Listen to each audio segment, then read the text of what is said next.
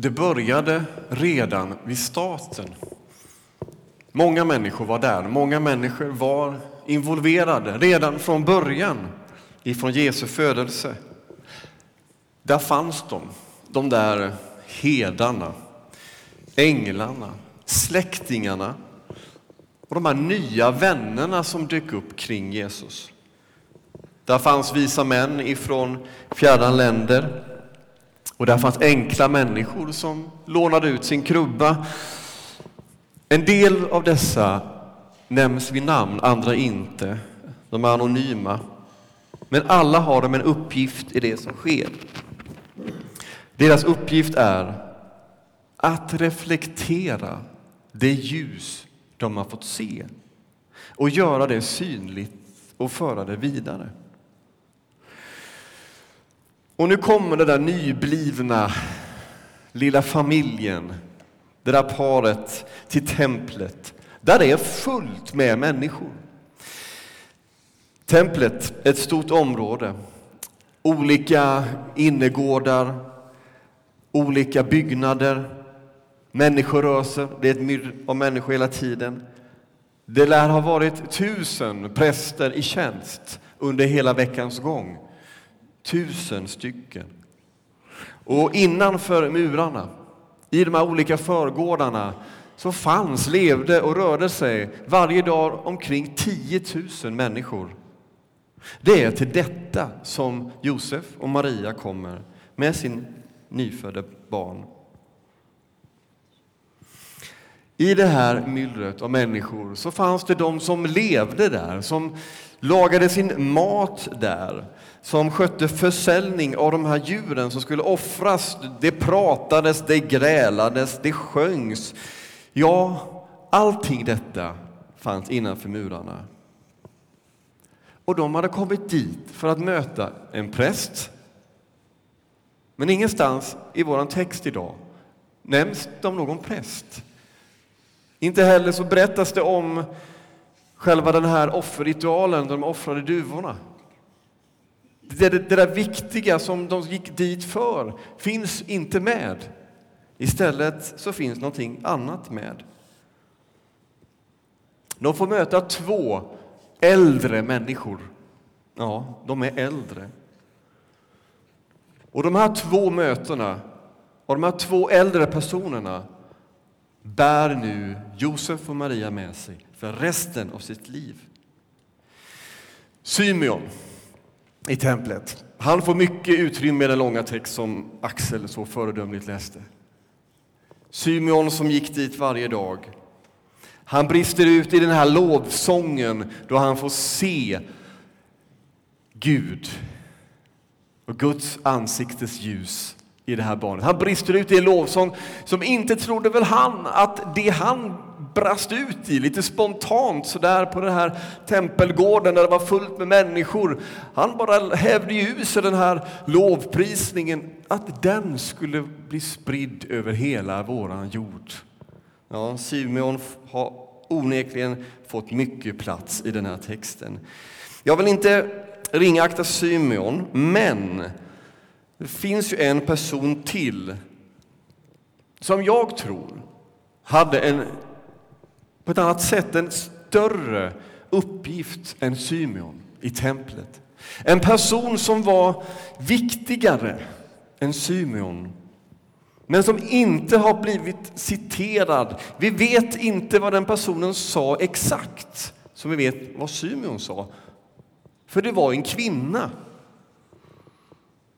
Och jag vill rikta ljuset idag mot denna kvinna, Hanna. Och är ett av de här tillfällena som jag önskar att det hade varit kvinnor som hade skrivit lite av Bibeln, så är det just denna, det här ögonblicket då Hanna möter Jesusbarnet. För om en kvinna hade skrivit det tror jag att vi hade fått reda på vad det var hon egentligen sa. Och då hade både Symeons ord och Hannas ord blivit citerade över hela vår jord. Hanna blev änka tidigt. Hennes man dog redan efter sju års äktenskap. Och när det här hände, när hennes man hade dött, så flyttade hon bokstavligt. Hon flyttade in i templet för att bo där.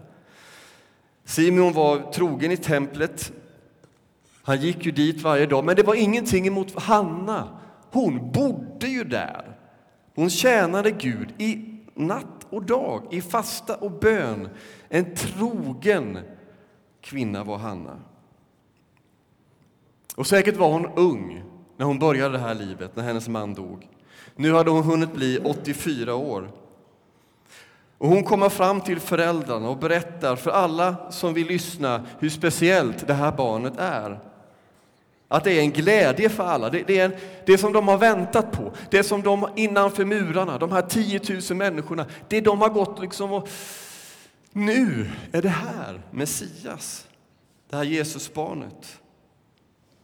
Och jag hade så gärna velat höra vad Hanna brast ut i för något, vad hon sa. Alla hennes år av bön och fasta. Vad var det hon uttryckte som kom utifrån sitt liv? Jag hade så gärna velat höra de orden när hon fick syn på Jesusbarnet. Kanske var de orden alldeles för starka och för fria för att ta med i en skrift som den här av en kvinna. De fick helt enkelt inte vara med. Vi blir istället tvungna att läsa, ni vet, i mellanrummen. För det finns många mellanrum i Bibeln. Vi vet ju inte allt, men vi kan förstå att det måste varit ungefär så här. Hanna hade en gåva. Det var Hanna var duktig på, det var att höra det Gud sa till henne. Hon hade en profetisk gåva. Hon fick ingivelse, tankar, bilder, ord ifrån Gud. Och det var hon duktig på. Prästerna eller fariseerna nämns ju inte här, det här tillfället. Och vi förstår att Hanna, hon var en viktig person i det här templet. Hon var välkänd efter sina 84 år. Alla visste vem Hanna var. Det är hon där. När man sökte efter frälsningen i templet, när man ville höra ord från Gud, så är jag säker på att det viskades Gå till Hanna. Hon bor ju där borta. Hon brukar vara där och där varje dag. Där kan ni möta Hanna. Och säkert kom de till templet och frågade Vad är Hanna? Och så tänker jag att Hanna själv med sin blick ifrån Gud såg människor när de kom in i templet. Kunde se vilka som ville, behövde höra ett ord ifrån Gud. Och hur hon såg Josef och Maria och det Jesusbarnet och visste, nu är de här. Och hon gick fram till dem. Hon fann den här lilla familjen i det här myllret. Och vem skulle annars inte ha hittat dem om inte Hanna? Från den dagen så visste folket som besökte templet, bodde i templet, att Messias var född till denna jord. Det var Hanna som fick uppgiften att berätta det för de som kom, de som levde, föra ordet vidare, börja bygga upp den här förväntan som senare skulle mylla ut i påsken, 30 år senare ungefär. Det var Hanna, denna kvinna som vi får läsa lite mellan raderna. Det fanns ett namn för den här gruppen äldre människor. Ni som känner att ni hör till gruppen äldre människor, ni behöver inte räcka upp handen. Men det fanns ett namn om ni hade levt på den här tiden. Det kallades för det stilla i landet. Det är stilla i landet. Det var människor som var just som Hanna knutet till synagogorna eller till templets gudstjänster och böner. De betonade hur viktig bönen var, hur andakten var och läsning av skrifterna var. Och de väntade på Messias, som generationen hade gjort innan dem. Och man kan tycka att det är ganska... Ja, vilken grupp, vad spelar det för roll, den här stilla i landet-gruppen? Men det var en grupp som ändå fanns en orolighet kring för de romerska makthavarna. För att de hela tiden fick höra att de här skaran av äldre hela tiden bad och väntade på att det skulle komma en befriare. De var inte gott ansedda. De var ett orosmoment, denna stilla grupp i landet. På något sätt lugnet före stormen fanns de där.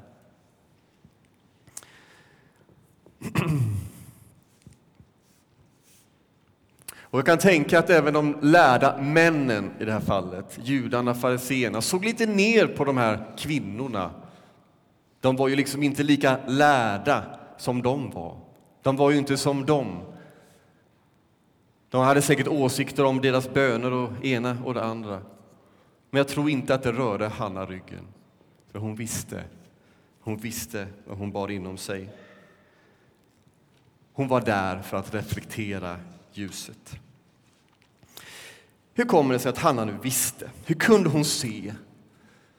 Och hur ska vi kunna se det Hanna ser?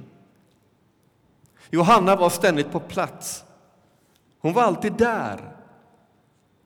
Han hade förstått att nuet är det enda vi har. Nuet är det enda vi har.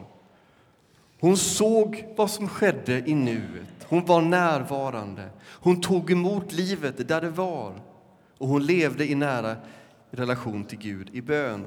Hon hade övat sig att lyssna efter Guds röst. Mitt i bruset och sålet och andra röster så hörde hon ändå Gud. Och hon var alltid där. Hon hade rätt timing. Rätt tidpunkt, rätt person, rätt människa. Så var Hanna där och kunde tala från Gud. Så ofta handlar ditt och mitt möte med andra människor om just det där med timing. Och när vi säger till slut att ja, men det var ju meningen att vi skulle träffas. Det där med timing. Var Gud med i ögonblicket eller inte? Ja, men det var ändå bra timing. Vi kan veta saker, förstå saker vi ser i andras liv och i våra egna liv. Men bara om vi lyssnar, om vi är där, närvarande, att höra vad den andra säger och vad Gud säger inom oss. Därför kan vi göra som Hanna. Vi kan vara som de stilla i landet, vara där, redo, lyhörda, i bön. Och när tajmingen är rätt, när vi möter den där människan, personen, om det är i skolan, på arbetsplatsen, i kvarteret, på stan, hemma, i kyrkan, när tajmingen är där och ett möte sker och du får förmedla någonting som du ändå kände inom dig du skulle säga. Att göra så, det krävs mod och tålamod. Både att bekräfta en annan människa och att ta emot vad någon annan säger till dig. Tålamod, att vänta tills det är dags, rätt timing. Det krävs mod att vara en Hanna. När lärjungarna frågade Jesus vem som var störst i himmelriket så bar han fram ett barn och säger den som gör sig själva små som det här barnet är störst i himmelriket och den som i mitt namn tar emot ett sådant barn tar emot mig. Vi har tänt ljus för barn idag och det är för att det hör ihop med det här som Hanna levde i. Att hon var ju som detta barn, ett barn är, som lever i nuet. Ett barn som har en jättestark tillit till sin förälder. Att ta emot livet här och nu som det är. Om du längtar efter att bli en Hanna om du längtar efter att ha rätt timing, att liksom säga saker till andra människor, uppmuntra, styrka. Lev i nuet. Lev i din bön och en förväntan. Gud finns här i världen, inte för att vi tror, utan för att Gud älskar oss. Genom historien och till idag har människor fått vara med, se och uppleva Guds närvaro i sina liv och andras liv. Och det ger oss tröst. Det ger oss hopp i en orolig tid där vi undrar hur världsläget ska ta vägen, när vi undrar vad vårt samhälle ska ta vägen i vårt land. och där vi undrar vad vårt eget liv kanske ska ta vägen. Det har varit många människor som har fått höra från Gud. Och nu är det du och jag som får vara en Hanna och reflektera Guds ljus. Amen.